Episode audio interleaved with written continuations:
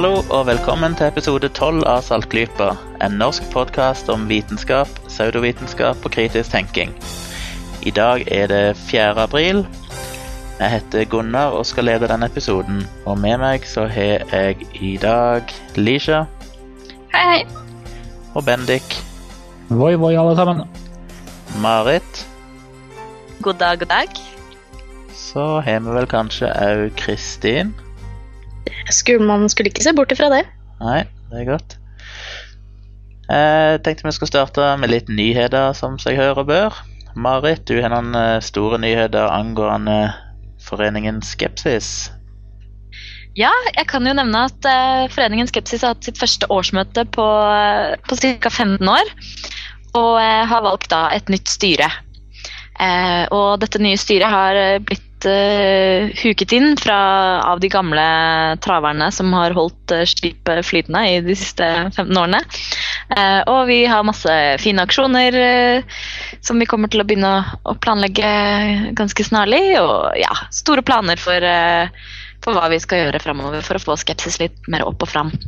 Og eh, det er jo flere av oss her i Saltklypa som er eh, involvert i dette nye styret.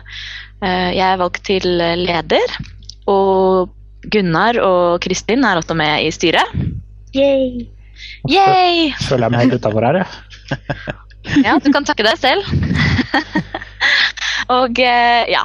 eh, De andre som er med i styret, er eh, Mona Hide Klausen, Kjetil Hope, eh, Erik Arnesen, eh, Alvin Bratli, Asbjørn Dyrndal og Pernille Nylén.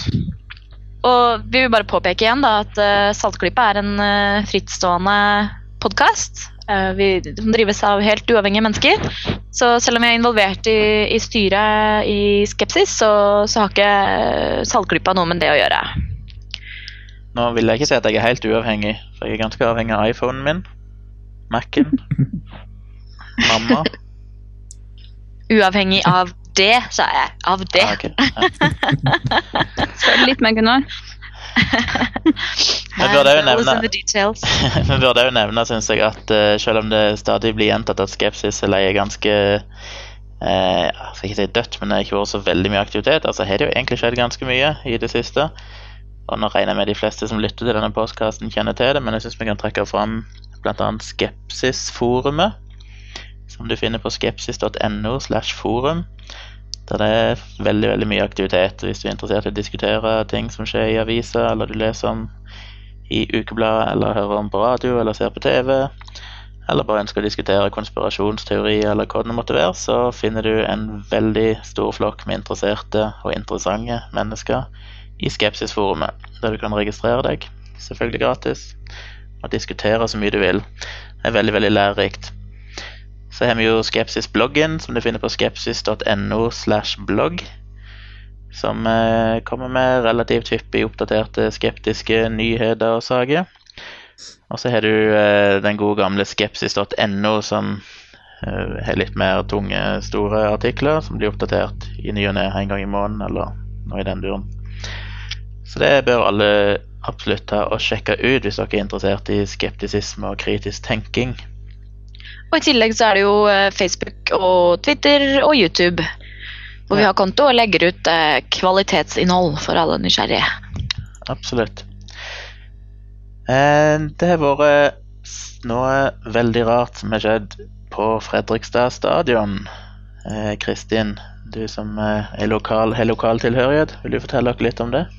Ja, nå er ikke jeg så veldig mye interesse rundt Fredrikstad stadion. Jeg kan ikke si at jeg er den største fotballidioten i hjembyen min. Men uh, det som har fanget oppmerksomheten min, er en uh, spennende liten gruppe norske spøkelsesdetektiver som kaller seg for Norwegian Ghost Hunters. De drar rundt om i landet og undersøker da forskjellige historier om hjemsøkte steder og, og historier om uh, mystiske ting som skjer, da. Eh, og denne gangen så kommer de da til Fredrikstad, hvor eh, folk har eh, snakket om at det har skjedd mystisk ting på den relativt nye fotballstadion der. Det har vært damer som har opplevd at de har blitt spent ben på når de har gått gjennom der, og det er ting som har blitt stemmer som har blitt hørt, og det er mye rart, altså. Og de har også hatt teorier om noen sånne aktuelle kandidater til hvem som kan bli hjemsøkestedet. Uh, og det er jo interessant, dette her. Uh, jeg syns spøkelsesdetektiver er veldig kult. Uh, og det som er litt eh, problemet, er eh, misinformasjonen som da er, har en stor tendens til å spre seg gjennom mediene, og da kanskje særlig gjennom akkurat sånne reality-programmer som tar for seg sånne ting. Um, og i og med at rapporter om spøkelser og hjemsøkte steder, det er jo blant de vanligste rapportene uh, som, som går inn kategorien uforklarlig blant oss mennesker. Og dermed så ligger det jo masse potensial for inntjening i et uh, Når man da lager litt programmer og litt undersøkelser av dette her da, i, i medier. Eh, I og med at de til, til de grader fenger blant folk flest. Så det er eh, Det er et problem at eh, at man sender da folk ut med litt lite antenner for kritisk tenkning, kanskje. Nå er jo disse her detektivene som går rundt og, og utforsker sånt, de er jo som regel helt enig med kan si, oss skeptikere da, i at man må bruke vitenskapelige metoder for å undersøke angivelige spøkelsesfenomener, og de, de påstår jo også konsekvent bruke vitenskapelige fremgangsmåter og utstyr. Problemet er at eh, det hjelper på en måte ikke å mulig utstyr, overvåkningskameraer og, og sensorer når spøkelser ikke engang er definert. Jeg vet ikke om dere har hørt noen, noen særlig konsekvent definisjon ute blant eh, folk eh, på dette her? Det er jo stort sett et problem at eh, alle mulige anomalier, alle avvik, blir tolket som et tegn på spøkelser. F.eks. hvis eh, man opplever at temperaturen faller litt, så kan det være spøkelse. Eh, hvis lommelykten din ser ut til å ha dårlig kontakt mellom batteri og lyspære, så kan det være tegn på spøkelse, for da blinker lommelykten, og den kommuniserer. Ja. Det kan jo minne litt om ufo-jakt. Eh, Altså En ufo er et uidentifisert flygende objekt, og det hele konseptet, altså hele virksomheten, handler jo bare om alt vi ikke vet hva er, må være det vi ønsker det skal være. Så altså Per definisjon så er jo et spøkelse bare det vi ikke vet hva er. Alt som skjer som ikke har en umiddelbar forklaring på, det er liksom et spøkelse. Omtrent som en uh, objekt i himmelen er det, og et romskip, alien-romskip. Det var også en blogger som tok tak i det ganske fort. eh, Christian Fagerland. Han eh, var inne på et forum og eh, lot som at han var veldig eh, nysgjerrig på, på det de hadde sett, og, og at han syntes at eh, lommelyktfenomenet var veldig en veldig overbevisende greie. Og han stilte de masse spørsmål om eh, hva slags spørsmål de stilte spøkelsene og sånn, da. Som spø spøkelsene da svarte på med lommelyktblinking, ikke sant. Eh, og det han bet seg merke i der, eh, som jeg syns er et veldig godt poeng, er at de stort sett stilte spørsmål som, som ikke sier så veldig mye om den som svarer.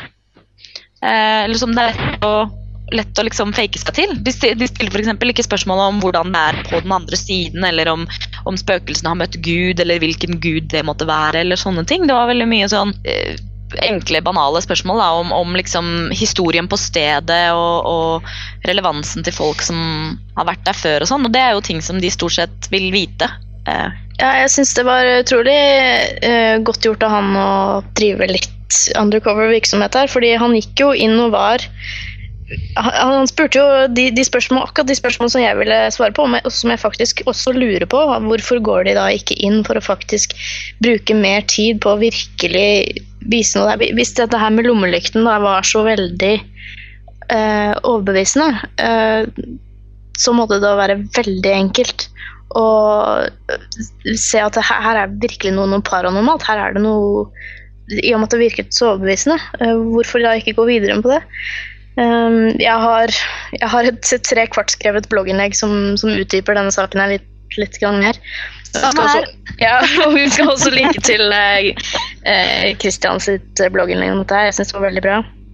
Eh, og det som jeg også drar litt inspirasjon på her, og det er eh, boken jeg driver og leser for tiden, nemlig Ben Radford sin nyeste bok som heter uh, Scientific Paranormal Investigation. det, er Han, faktisk, eh, det er faktisk ikke hans nyeste bok, det er den forrige. ja, han ja, han skriver en- om chupacabra, gjør han ikke det? Nettopp. Ja.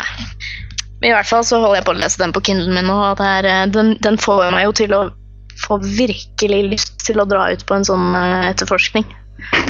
Fordi det Mm. kapitlet jeg drev og leste på i går, det handler jo nettopp om hvordan man ikke skal, skal utføre slike undersøkelser. Og det, det, alle de tingene som blir beskrevet her, går veldig mye på ting man ser på, sånn som de, alle disse TV-programmene som går om spøkelsesjegerne.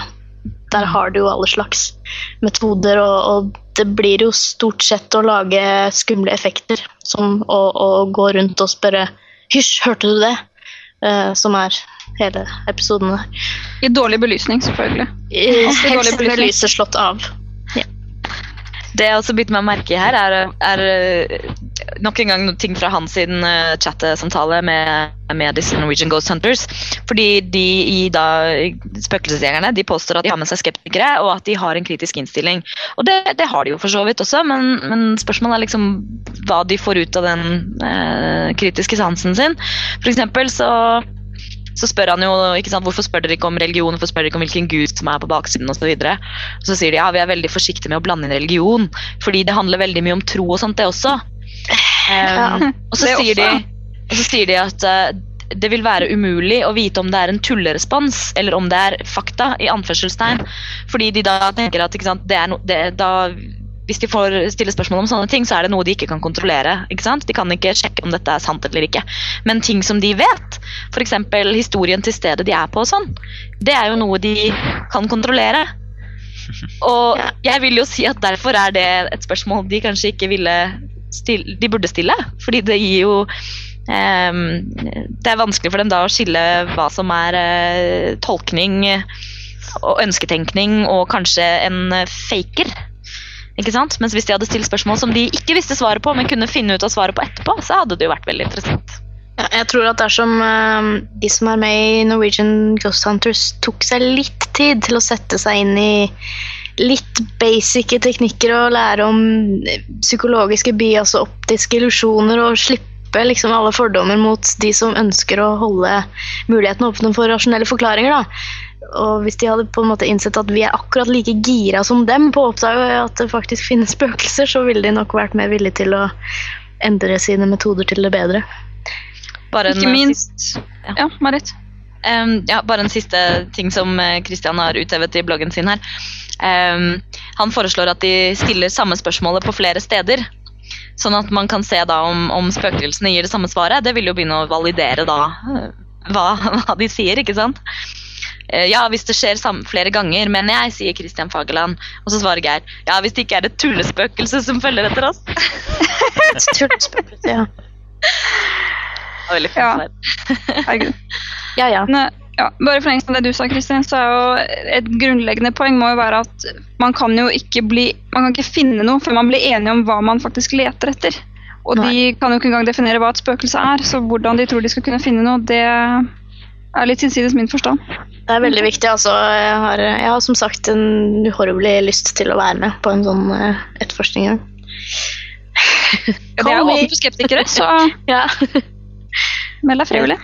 Mm. Jepp, ifra spøkelser til dyretolker. Eh, Dagbladet Magasinet har hatt en liten runde til en del norske kjendiser og tatt med seg en dyretolk for å snakke med deres dyr. Og Det kan du fortelle dere litt mer om, Bendik? Ja, det var da en artikkel i Dagbladet Magasinet for et par uker siden. Hvor eh, de som du sa, de tok med seg en uh, dyretolk som visstnok kan uh, prate, eller i hvert fall høre på dyr. Og tok de med til uh, Øyvind Hellstrøm, Kristine Kaat og Jenny Skavlan for å høre hva hundene deres hadde å snakke om. Når jeg leste gjennom denne artikkelen her, så synes jeg at, for å si det helt ærlig, det var utrolig mye svada. Det var uh, bare eh, Pga. Ja. kjendisene eller pga. dyretolken? Ja, mest pga. dyretolkene. Skjønt jeg er ikke den største kjendisfanen uh, her uh, heller. Det de uh, sier er jo at dyr selvsagt kan kommunisere, og de prater om andre ting enn bare hva som ligger i den neste matskålen deres. Men det som slo meg overall med hele denne artikkelen, er at i hvert fall det som er sitert i artikkelen, som da visstnok dyrene sa gjennom denne dyretolken, så var det ingen informasjon eller uh, kunnskap som ikke denne personen uh, ville kunne klart å bare vite om uh, eierne på forhånd. Og det var uh, ingen av dyrene som uh, sa noe som helst som ikke var i tråd med hvordan vår oppfatning av eierne ellers er. F.eks. hunden til Eivind Hellstrøm var en like stor snobb som han selv. Og liker fransk mat. Og liker fransk mat, ikke minst. Illustrasjonsfoto er jo Eivind Hell Hellstrøm spiser hjort med poteter og viltsaus sammen med hunden Nelson. Nettopp. Det vi kan anbefale våre lyttere å gjøre, er, er å lese denne artikkelen her. Men les det med den informasjonen som vi lærte dere i episode nummer seks, når vi pratet om cold reading, i tankene. Fordi uh, jeg vil legge fram påstanden om at uh, denne dyretolken basically er en cold reader som uh, leser eierne. Egentlig også kanskje hot reading. I og med at de Siden det er kjendiser, så er det også hot reading at man kan gjøre research på forhånd, ja. Jeg vil bare si litt om antropomorfisering. Det er jo dette her et strålende eksempel på, og det er noe av det verste mannen som dyreeier kan gjøre med dyra sine. Disse folka som denne Sissel Grana og hennes kolleger si sånn, de skal liksom kommunisere fremdyrenes tanker og følelser, men det gjør de i menneskespråk. Og jeg har aldri opplevd en sånn dyretolk som har kommunisert noe annet enn menneskelige følelser. Faktisk har jeg til og med vært borti at dette her har blitt gjort med reptiler. At de har kommunisert hvor glade de er i eierne sine og sånn, og de har jo bare lillehjerne, så det er jo helt latterlig tillegge dem sånne følelser. Og man skjønner, jo det at andre dyr de har ofte et noe begrenset tanke- og følelsesliv i forhold til vår egen art, men det de har av tanker og følelser, det er de helt fint i stand til å kommunisere med det kroppsspråk som de har. Hvis eieren tar seg bry med å lære om den arten det gjelder, hva slags signaler den gir, hva slags vaner den har, på dyrets egne premisser. Det er klart det er slitsomt. Det er mye lettere å få en eller annen følsom person til å fortelle deg det du kanskje ønsker å høre. Men egentlig så bør jo ingen skaffe seg noe dyr i det hele tatt før de har satt seg inn i den artens behov, vaner og kommunikasjonsmuligheter, slik at du kan lese selv ut av dyrets kroppsspråk hva de vil kommunisere. Og det er sannsynligvis ikke traumer rundt morsrollen og den type ting. Det er sannsynligvis litt enklere ting enn det, vil jeg påstå. Det er veldig gode poeng der, Lisha. Uh, I tillegg så kan jeg nevne at det var uh, gledelig å, å, se hvor rasjonell Jenny Skavlan er. Uh, ikke at jeg trodde at hun var så veldig irrasjonell fra før, men man blir liksom alltid positivt overrasket når noen taler skepsisens sak i, i mediene. Jeg kan jo bare lese opp hennes evaluering av dyresamtalen i etterkant. Jeg har aldri søkt noen form for alternative miljøer. Jeg syns de tingene vi kan ta og føle på, eller som er vitenskapelig bevist, som DNA og Melkeveien, er fascinerende nok. Men det var underholdende å høre Sissels tolkning av brors signaler. Hun er da bror. Hvorvidt jeg tror på det, har jeg ingen spesiell formening om. Det er jo så mye rart der ute. Jeg tror at hun senset hvordan han har det, men det var nok kroppsspråket og omgivelsene mer enn noen virkelig stemme hun hørte. Yay! Jenny, Jenny. da blir vi offisielt fan av Jenny. Skeptikerne hyller Jenny Skavlan. ja, ja. Som vanlig så minner vi dere lyttere på at vi er veldig glad for å få alle mulige typer tilbakemeldinger. Nå tenkte vi å ta en liten sånn oppsamlingsepisode her om ikke så veldig veldig lenge. Der vi skal svare på en del spørsmål som vi har fått den siste tida. Vi har jo lova tidligere å komme tilbake til enkelte spørsmål vi har fått. Så hvis det er noe dere vil at vi skal snakke om, eller ting dere lurer på, som vi kanskje kan svare dere på, eller vi kanskje kan få med noen andre til å svare for oss, så må dere fyre løs på mail eller på Facebook-sida eller i kommentarfeltet på nettsidene våre på saltklypa.no. Så har vi òg en Twitter-konto som det går an å kommunisere med dere på, og det hadde vært veldig veldig moro hvis en av dere lyttere tok dere bryet til å legge inn eh, Saltklypa som kontakt i Skype, ringe den opp og legge igjen et spørsmål på telefonsvareren der. For da kan vi rett og slett spille av det spørsmålet direkte Ikke direkte, men rett inn i sendinga. Så da får du delta aktivt i Saltklypa-podkasten. Det hadde vært veldig moro. Så prøv det. Hvis det er noen som trenger hjelp, så er det bare å ta kontakt, så skal vi guide dere eh, videre for å få det til. Vi er òg veldig interessert i å få tips om nyheter som vi kan snakke om. For det skjer veldig mye, og det er mye i lokalaviser rundt om i landet. Eh, finner dere noe morsomt, så send dere en link og et lite tips om det, så kan vi gjerne diskutere den saken.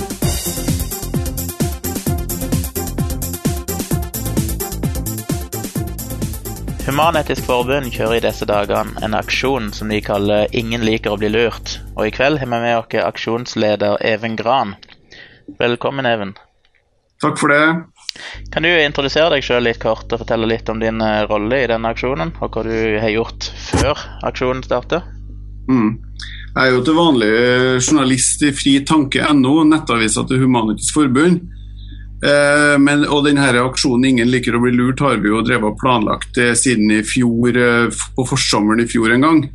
Og um, Vi har, har, vært med i en sånn aksjonsgruppe hele tida, uh, men sånn, uh, i, på slutten av desember så skjønte vi jo da at vi hadde behov for en person på heltid for å rett og slett få gjennomført det aksjonen, for det ble for stort til at noen liksom kunne ha det bare som sånn side, sideoppgave. Mm. Så da ble jeg satt på det her på heltid og frikjøpt da, fra den vanlige jobben min i Fritanke. Ja. Jeg har jobba på heltid med det siden, siden uh, januar, da. Mm. Kan du fortelle litt om bakgrunnen for aksjonen? Hva det som gjorde at Human-Etisk Forbund følte at det var et behov for en sånn type aksjon? Ja, altså, eh, jeg kan si at eh, Human-Etisk Forbund i løpet av de siste årene har vært veldig opptatt av si, livssynspolitiske ting. Sånn som KRL-faget, det kjenner sikkert de fleste. KRL-faget, kampen mot det, og statskirkeordninga ikke minst, hvor det har vært veldig mye aktivitet. Nå har på en måte alle de her sånn livssynspolitiske sakene ramla ned litt. Og Da måtte vi jo sette oss ned og finne ut at nå, kanskje det er på tide at vi ikke bare har en aksjon som går på liksom hvordan reglene skal være i samfunnet mellom eh, stat og religion, men, men, at vi også har en kampanje om et eller annet som vi faktisk står for å mene sjøl. At vi liksom også etablerer oss som en som en organisasjon som jobber litt på, uh, i kampen òg, for, for, å si det sånn. I, i, ja, ikke i kampen, det var kanskje litt dumt sagt, men uh, altså at vi, vi, uh, at vi står, sier noe og vi står for sjøl. Mm. Og da falt, jo, da falt jo valget på akkurat det her med kritisk tenkning, for det er jo noen ting som er veldig tett knytta til livssynet til Human-Etisk Forbund det humanistiske altså vi, vi, jo, vi, har jo da et ikke-religiøst livssyn som, eh, hvor vi ikke tror på, på guder og den slags. og Da er det jo på en måte mennesket som står i sentrum for oss.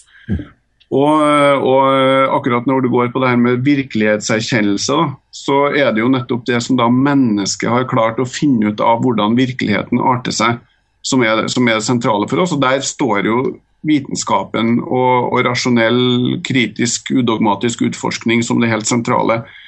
Og Vi ville da ha en kampanje for å, å markere det, fordi vi, vi, ser jo da at situasjonen per dag er litt sånn at uh, det alternativet er i vekst. Og mer sånn uh, syn på syn på virkeligheten som er litt mer sånn enhver har sin egen uh, tro, og du har din sannhet, og jeg har min sannhet. Og ja, ja, vitenskapsfolket de mener noe én ting, men jeg mener noe annet. Det er på en måte en sånn tankegang som er, vi ser er i vekst. Og, og, det bekymrer jo oss som da er opptatt av, av at vitenskapen må, må, på en måte ha en status som, kvalitet, som en kvalitetskontroll da, på påstander. Det blir jo framsatt påstander hele tida i, i, samfunnet. og Hvis du ikke har noe kvalitetsfilter, så, så, ender du opp i en sånn veldig relativistisk smørje da, hvor, hvor, man ikke kommer ut av eh, Man ikke får vite hva som er riktig. og Det, det bekymrer oss. og Det er vel for så vidt en problematikk som ikke er ukjent for Saltklypas lytterskare, vil jeg tro. Nei, det er jo en del av hele vår misjon med podkasten. Egentlig det, det samme mm. som aksjonen står for. Men Kan du fortelle litt mer om eh, rent sånn konkret noen type aktiviteter og opplegg er det som inngår i denne aksjonen? Ja, eh, Vi starta jo opp denne aksjonen i, i starten av eh, mars. og Det, det første vi oppretta, var en sånn aksjonsforside hvor, vi, hvor, vi, ber folk om å være med og dele linker og være med og diskutere. Vi har, vi har, jo prøvd å bruke sosiale medier veldig her nå, så det her er egentlig litt sånn den første aksjonen hvor Human-Etisk Forbund virkelig prøver å utnytte det potensialet for mobilisering som ligger i, i, sosiale medier. Og Vi har jo da som sagt hatt en aksjonsforside hvor folk kan dele linker, og hvor man også da kan bli, rett, bli sendt inn til Facebook-gruppe hvor det har vært veldig mye aktivitet og diskusjon, og hvor det fortsatt er veldig mye som skjer. Uh, og Der har det jo også vært veldig mange folk som har vært provosert og uenige med kampanjen også, så det har vært ganske livlig diskusjon innpå der.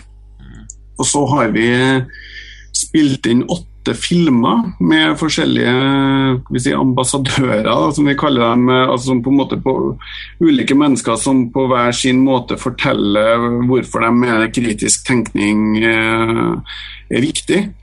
Uh, og Det er da åtte filmer som vi har lagt ut på YouTube, og hvor som du da selvfølgelig også kan klikke deg direkte inn på fra den aksjonsforsida. De folkene er jo da Jørgen Skavlan, Dag Hessen, Øystein Elgarøy, Asbjørn Dyrendal, som jeg vet har vært på Saltklypa tidligere, og en del ja, Gunhild Lem, f.eks., enka etter han um, Steinar Lem, som mm. slutten av livet sitt på å fly til sånne alternativterapeuter uten at det hjalp en stort.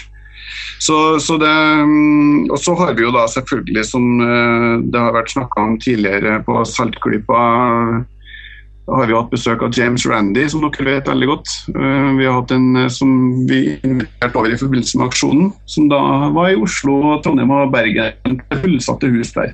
Mm. Hvor lenge skal denne aksjonen vare framover? Er det en tidsbegrensa aksjon, eller er det når dere kommer til å jobbe med uoverskuelig framtid?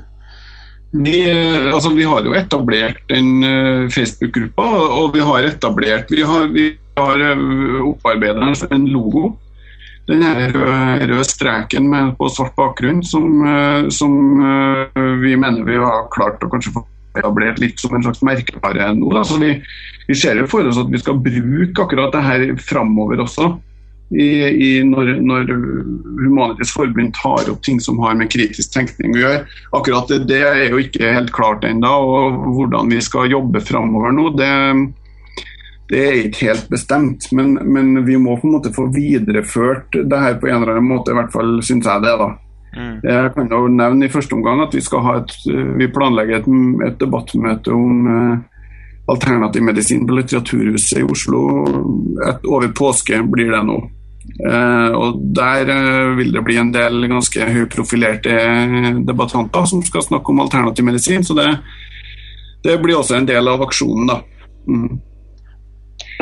Eh, det er jo som sagt en veldig populær Facebook-gruppe, annet, og det har jo kommet både negative og positive reaksjoner til dette her. Hva slags type reaksjoner er det du kan oppsummere at du har fått? og Er det noen, eh, er det noen uventede reaksjoner, eller reaksjoner fra f.eks. egne medlemmer i HEF? Ja, si, reaksjonene går vel i store trekk ut på at folk syns at vi er altså det, det er ikke noe uventa, men folk syns jo da selvfølgelig at dette er veldig provoserende. Fordi at eh, vi, altså når, du sier at vitenskapet det skal, det skal, bety noen ting, hva vitenskapen sier det skal, Når vitenskapen, altså når forskninga sier at noen ting er, bra og noen ting ikke er så bra, så er det noen, som havner, noen ting som havner i den skuffa for ikke bra også. Og dem som da tror på en del av de tingene her, de blir jo da provosert over at vi sier det. Også en del eh, medlemmer av Humanitisk Forbund som da litt sånn eh, med store ord har utbasunert at de skal melde seg ut av forbund osv. Så sånne ting.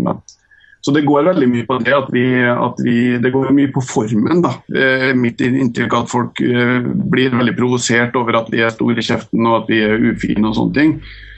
Uh, veldig, det, det, går ikke så mye på innholdet, egentlig.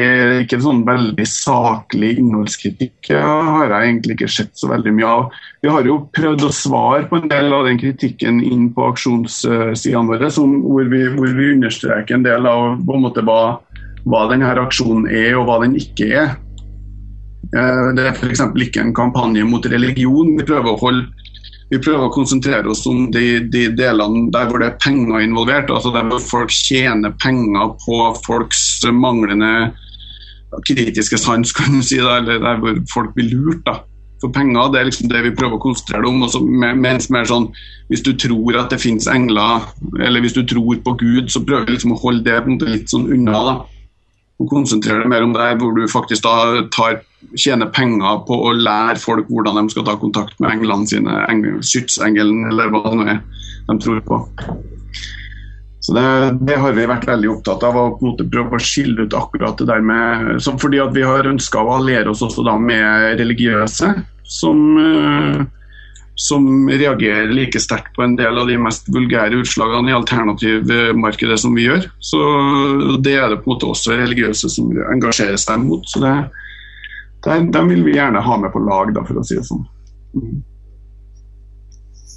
Ja. Vi, eh, vi, lever i en eh, verden nå i dag hvor det er veldig lett å det pakke seg inn i en boble og bare få informasjon inn som man allerede er enig i.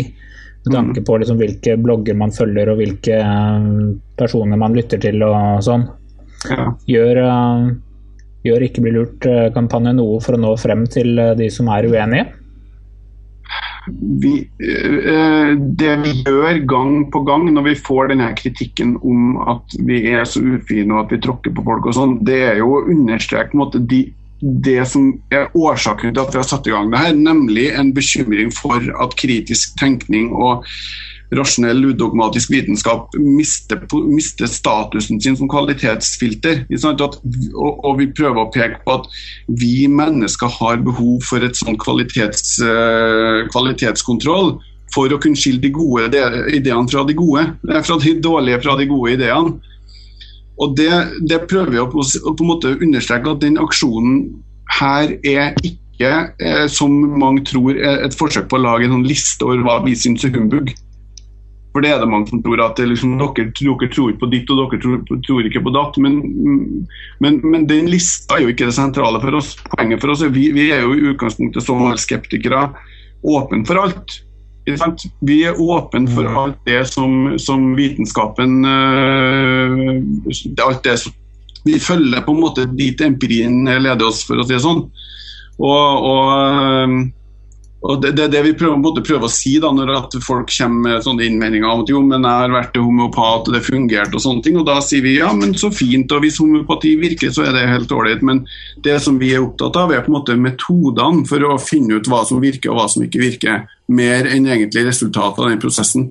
Men så er det jo klart at når at man får jo et resultat ut av Når man tar i bruk de metodene, så får man jo ut et resultat også, som vi da også selvfølgelig tillater oss å nevne en del, da. Mm. Så vi prøver å overbevise dem rett og slett ved å peke på den underliggende tankegangen vår. Som vi mener er ganske sympatisk og allmennmenneskelig. I, i, I det at de fleste vil jo, vil jo være enige i at vi kan ikke Vi må på en måte kunne ha, ha, en måte å finne ut hva som er riktig og hva som er feil. På en eller annen måte. Vi må ikke glemme det. Det er liksom det som har vært litt vårt utgangspunkt. da. Men kampanjen heter jo 'Ingen liker å bli lurt'. Men hvis folk ikke føler at de blir lurt, hvis de f.eks. er fornøyd med å gi penger til Svein Magne Pedersen eller Snåsamannen for å bli mm. helbreda, ikke det er egentlig like greit som at de bruker pengene på å tippe Lotto, som egentlig er en like stor fantasi? Det er jo interessant eh, etisk eh, problemstilling, det der, Gunnar. Men, eh, men det, det, har noe med at du på en måte Det, det er noe med det her selvbedraget også. Ikke sant? At du, du, du, får på en måte en slags idé, og så, så vet, vet, jo vi at hvis folk bare hadde sjekka den ideen litt nøyere og på en måte kanskje lest en del motargumenter, og sånne ting, så hadde de på en måte ikke ville ha ment det. Ikke sant? Mm. Og da, da har jo vi da ønsker jo på en måte vi å informere de folkene da om at uh, hør her, eh, det, det, er, det finnes andre forklaringer på, på det du uh, kanskje har slutta deg til nå. Det, det, går an å forklare det på, på annet vis. sånn at vi, vi må på en måte, Det er ikke bare det, ikke bare det at, at, noen kyniske lurendreiere utnytter folk, men det er jo på en måte også det at folk lurer seg sjøl fordi at de ikke kanskje sjekker den kunnskapen vi faktisk har om, om hvordan ting forholder seg. Og den, den, kunnskapen ønsker vi selvfølgelig også å slå et slag for. Um, og Selv om folk uh, tror på det her og syns det er helt greit, og sånne ting, så, så er det jo bekymringsfullt at måte den, den tankegangen det skaper i samfunnet, den tankegangen det skaper om at da uh, enhver har sin sannhet, og jeg har min sannhet, og, din, og du har din sannhet, og all den, her, vulgære relativismen vi ønsker å komme til livs. da, rett og slett. Den, den blir jo på en måte eh, Den blir jo holdt ved like av en del av de her folkene som si, lurer seg sjøl, som vi tenker. Som vi sier. Mm. Men uh, placeboeffekten har også vært diskutert en del ganger på, på, sidene deres, og er jo veldig relevant hver gang man snakker om alternativ medisin, f.eks. Uh, og hva med da alle disse tilbudene som faktisk kan hjelpe folk med å bli bedre? Altså Selv om det bare er eh, hjelp til eh, tante Gerda som er litt ensom og har vondt i hodet, eller, eller noe sånt noe. Hvis, eh, hvis placeboeffekten er så sterk som 70 eh, opplever bedring, er det noe du har lyst til å fjerne? Nei, altså placeboeffekten er jo faktisk, den virker jo faktisk selv om folk vet at det de får er bare sukkerpiller. En gang iblant, i hvert fall. da. Og, og, men, og den er jo, jeg vil jo si Placeboeffekten er veldig sterk. Det, det, er jo faktisk forskning som tyder på at, at uh, placeboeffekten er i stand til å nulle ut effekten av virksom medisin også. ikke sant?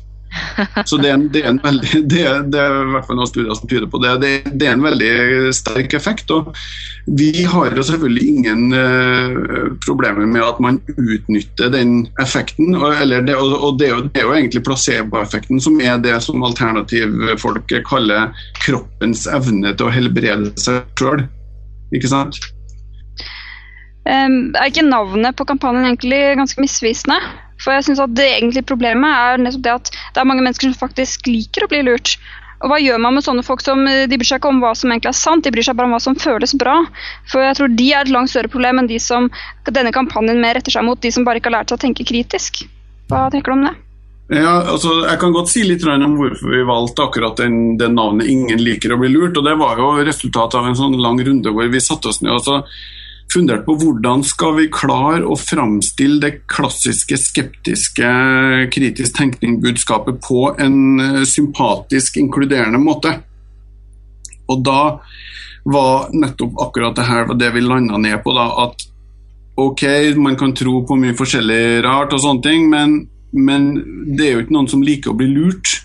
Altså hvis du, hvis du men ok, nå sier du kanskje at det er noen som liker å bli lurt allikevel. Jeg tror, jeg tror ikke egentlig det er så veldig mange som liker å bli rett og slett løye opp i ansiktet av folk som på en måte vet bedre. Uh, det har nok på en måte vært litt sånn utgangspunktet vårt i hvert fall at, uh, at, vi vil først og fremst rette aksjonen inn mot der hvor det er sånn, på en måte sånn bevisst bedrag. Uh, der hvor forskninga er helt entydig det er jo mange gråsoner her, og mange ganger at ja, kanskje kan det ha noe for seg, men det er en del områder hvor det er på en måte sånn helt entydig at det er bare tullball. Eh, og Der er jo nok en gang da homopati kroneksempelet. ikke sant? Og det, De der sukkerpillene de virker ikke i De har ingen effekt. Punktum. Men selv med tanke på det, selv med tanke på det, og at man vet det, så er det jo mange som bruker homopati og som føler at det hjelper for dem. Og alt dette her. Og de nekter jo veldig mange av de å ta inn noe informasjon som går imot det de mener at de allerede vet. De mm. liker faktisk å bli lurt. De, vil, de, vil, de liker det som føles bra.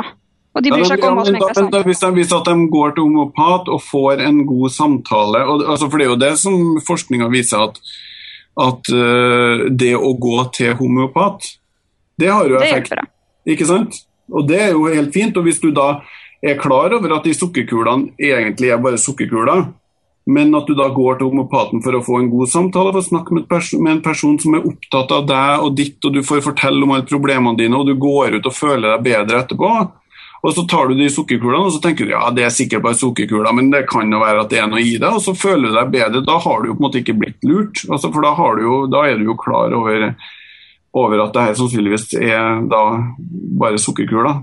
Men det er klart at hvis en homopat har og fortalt deg at de, altså fortalt hele den historien om at uh, vannet husker, og at uh, den hukommelsen fra de, fra de vannmolekylene da har satt seg fast på sukkermolekylene på en eller annen måte, og at det faktisk virker, og at du virkelig tror på det, og ikke har hørt et eneste motargument, hadde i hvert fall ikke likt å bli lurt på den måten. Det må jeg si. Nei, det får vi håpe at det er flere som deg. ja, men som jeg sa i sted, også selvbedraget er jo også ganske, en ganske vesentlig ting som, som vi eh, vi, vi, har jo på en måte lyst til at folk altså Vi syns jo folk har, har en si, Kanskje litt sterkt å si, men altså, man har en, en, plikt til å holde seg informert. Til, til, å sjekke ut hva som er best. Før man på en måte går ut og, og mener ting, så er, så er, det noen ting med at det er en slags sånn plikt hos et menneske å undersøke den beste tilgjengelige informasjonen også. Og den, den, det kunne vi jo det er, jo, det er jo en slags sånn oppfordring til folk om å, om å, gjøre det, og undersøke hva vi, faktisk, hva vi mennesker faktisk vet om hvordan ting forholder seg. Mm. Eh, du har jo nevnt eh, Facebook og at det kommer et arrangement eh, over påsken. Hva kan andre gjøre for å delta i kampanjen? Kan vanlige mennesker være med og spre budskapet? Ja, det, det, vil jeg jo i høyeste grad si. fordi at det, her, det som vi har prøvd å få til Det er fint at du spør om det, Marit. fordi at det som vi prøver å få til med den kampanjen, her, som har vært målsetting hele tida, er jo på en måte å tenne en gnist i å, å skape en slags form for folkeaksjon. Eller få, få i gang en sånn folkebevegelse på den skeptiske sida. Fordi at Nå har det jo på en måte vært eh, en vekst i det alternativet over ganske mange år. Eh, og det har, fått mye mer, altså det har blitt mye mer folkelig og, og bredt om seg. Og Da er det jo sånn at uh, man i samfunnet veldig ofte får en motreaksjon. Og Det er jo, det er jo egentlig den litt sånn slumrende motreaksjon som vi har prøvd å tenne en gnist i da, gjennom denne aksjonen her. Uh, så, så vi, det som vi håper, er jo at det her på en måte faktisk blir Hvis at vi har klart å sette i gang en folkebevegelse på det her, så er jo det helt fantastisk. Og, og da er det jo egentlig litt opp til folk sjøl også å engasjere seg i, i, sosiale medier og diskusjoner på nettet, men selvfølgelig også engasjer, nei, også, også arrangere debattmøter rundt omkring i, i landet der man bor, skrive avisinnlegg. Altså En del av aksjonen her har jo f.eks. vært altså, er, altså vi har, Det har blitt skrevet avisinnlegg rundt omkring i lokalavisene, og der er det jo fortsatt en masse etterspill i, og sånne ting. Så, så, vi prøver på en måte å virkelig dra i gang, og vi har jo brukt organisasjonen til Humanitisk Forbund ganske aktivt også for å, å prøve å henstille til at, de, at alle sammen engasjerer seg. og Det har jo vært uh, ganske mye, uh, en god del aktivitet rundt omkring i lokallagene også på det her. så det det er veldig fint. Mm. Er det, Når du ser tilbake på alt kampanjen har utretta så langt, og alle reaksjonene som har kommet, er det, er det, noe du skulle ønske kunne vært gjort annerledes dersom du kunne starte om igjen? Ja, eh, vi burde ha booka mye større auditorier og lokaler for James Randy. Det er et godt poeng. vi undervurderte fullstendig hvor, eh, hvor populært det ble. Vi booka jo den største salen på Chateau Neuf i Oslo, og vi satt og var kjempebekymra for hva gjør vi hvis det blir bare halvfullt. og Da må vi liksom spre folk litt utover så det ikke ser så tomt ut. Altså, vi var seriøst bekymra for om vi klarte å fylle opp den, og der sto det jo, var det jo i hvert fall godt over 500 som ikke kom inn. Og i, i Trondheim eh, også var det jo sånn. og um, i Bergen så booka vi jo et altfor lite eh, altså var, der I Bergen så finnes det egentlig ikke noe lokale som er sånn rundt 1000 sånn som Studentsamfunnet og Chateau Neuf er. Studentsamfunnet i Trondheim og Chateau Neuf. Så det, det var bare en sånn 900-320-30 som fikk plass der. og det ble litt surt for at de ikke kom inn, og at vi organiserte køa litt dårlig. og litt sånne ting. Så det, det, på den fronten der hadde jeg ville ha gjort eh, annerledes. Mm. Booka større lokaler. Men én ting som slår meg med denne aksjonen, og det er at dere har gått ganske tydelig ut, iallfall etter dere fikk litt kritikk i starten, og så sagt at dette her handler ikke om religionskritikk. Så tenker jeg, Er det ikke på en måte litt feigt å angripe én ja. type overtro, men si at en annen type overtro er greit? Altså Er det forskjell på Märtha sine engler og kirken sine engler? Ja, vi, vi, har jo på en måte prøvd å begrense litt til det som vitenskapen på en måte kan si noe om. da. Og, og det, det, at Märtha tror på engler, det er på en måte sånn Det får hun bare gjøre. Det, det, altså, vi kan jo ikke motbevise at det finnes engler, ikke sant? Men, men vi kan kritisere at Men det er jo, er jo, det er jo en uh, udokumentert påstand om virkeligheten at det finnes engler, men det er jo først når du begynner å selge kurs og tar penger for å, å, å innbille folk at de kan få kontakt med de englene og sånne ting, det er jo da Det er jo da vi har valgt å sette, sette inn uh, skytset. da. Så jeg har på en måte prøvd å avgrense kampanjen på, på den måten, men det er klart at, at, at det også hvis du, hvis du, spør meg personlig, så rammer jo selvfølgelig den tankegangen her også, også de sentrale religiøse trosdogmene, selvfølgelig både innenfor kristendommen og islam og jødedommen og det meste. Uh, men det det har vi på en måte prøvd å altså Det er det delte meninger om internt om hvorvidt vi, vi bør gå ut på den måten akkurat i denne aksjonen. altså Vi har prøvd å liksom holde det utafor. Mm. Vi har jo snakket litt om uh, uh, overtro og sånne ting, og, og spesielt vitenskap. Opplever du selv at uh, et vitenskapelig verdensbilde fjerner mysterier og magi fra din verden? Nei, og, og absolutt ikke. Altså, den, naturlige, den naturlige verden er jo helt fantastisk. Og Det er jo utrolig mye mysterier og ting som vi ikke vet, og, og som vitenskapen jobber med å finne ut hele tida. Jeg kan jo godt holde en hyllestale til, til utforskninga av, av den av den naturlige verden. Det, det, er klart at det er jo en masse mysterier og fantastiske ting der og, og, som, vi, som, vi, ikke vet, som, men som vi lærer nye ting om hver dag. Og så er det helt, og så er det temmelig sikkert en god del ting som vi kanskje aldri klarer å finne ut, rett og slett. Eller det vil det jo nødvendigvis være, for uansett hvor mye vi klarer å finne ut og skaffe oss viten om, så vil det jo alltid være noe mer utenom å utforske. Så jeg tror aldri vi kommer til bunns der. Og det syns jeg er kjempeinspirerende og flott. Mm. Eh, du har jo barn, etter hva jeg forstår. Eh, når ja. de var små, hvordan fant de ut at julenissen ikke fins? Var det du som fortalte dem det?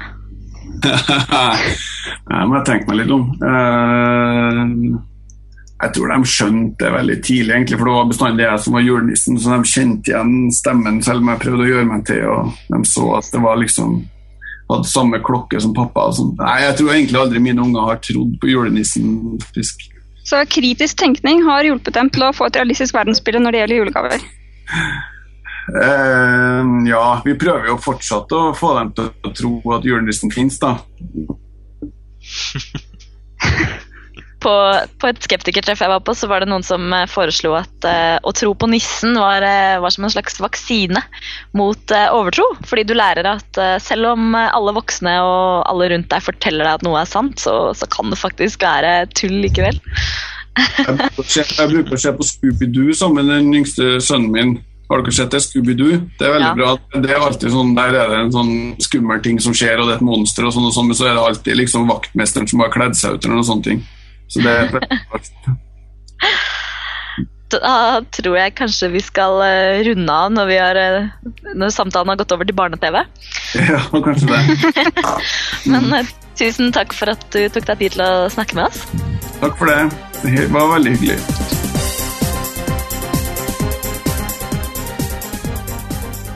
Og Da er vi kommet til ukens anbefalinger, og der har Kristin et par ting hun har lyst til å fortelle dere. Ja, i serien Skeptikertreff i det ganske land så kan vi melde at uh, det er to byer som skal ha skeptikertreff i april. Uh, jeg syns det var veldig gøy at Fredrikstad har fått uh, i gang et initiativ til å møtes på kafé. og første skeptikertreff der skal være den 20. april på Verdensspeilet kaffebar. Så det, vi, det, skal vi linke til. Der er det en Facebook-side som dere kan gå inn på.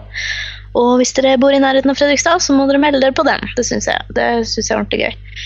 I Bergen skal det også være skeptikertreff, og det eh, skal foregå på Losjen onsdag 27. april. Det er fra klokken seks og utover. Det syns jeg var veldig gøy. Ja, det er bra at skeptikertreffene brer om seg, og det skjer ting litt rundt forbi, ikke bare i Oslo. Ja, for det er jo også i Oslo i april. Det er den 14. Det, det finner, dere også, det finner dere også på internett. Mm. Og det kan man også gå inn på skepsis.no, for det, det, sånne ting kommer også opp i aktivitetskalenderen. Ja. Så kan jeg jo nevne at jeg i dag eh, sitter i Trondheim og spiller inn denne podkasten. Og tidligere i dag så har jeg vært i studio og spilt inn en liten snutt i, sammen med, eller for podkasten som heter Uillustrert vitenskap. Der jeg snakker litt om eh, hva skal vi kalle han, helbredelsessjarlatanen Svein Magne Pedersen. Så hvis du har lyst til å lytte hva jeg hadde å si om det, så finner du vel uillustrert vitenskap på iTunes. Det er en bra, bra podkast. Så den anbefaler vi helt uavhengig av at jeg er med i en episode. Er det det du prøver å si? Eh, Jeg prøver å si at eh, Uillustrert vitenskap eh, er en digg podkast å høre på. Det er det. til, tiltredes. Det er mye bra innslag og så mye bra vitenskap der. Ja, jeg har også vært på Uillustrert vitenskap. Det er det. ja. Yes, men da tror jeg vi er ferdig med dagens sending, så da vil jeg bare si takk for oss. Bare hyggelig. Takk skal du ha. Takk for deg selv. Ha det godt. Ha det. Ha det.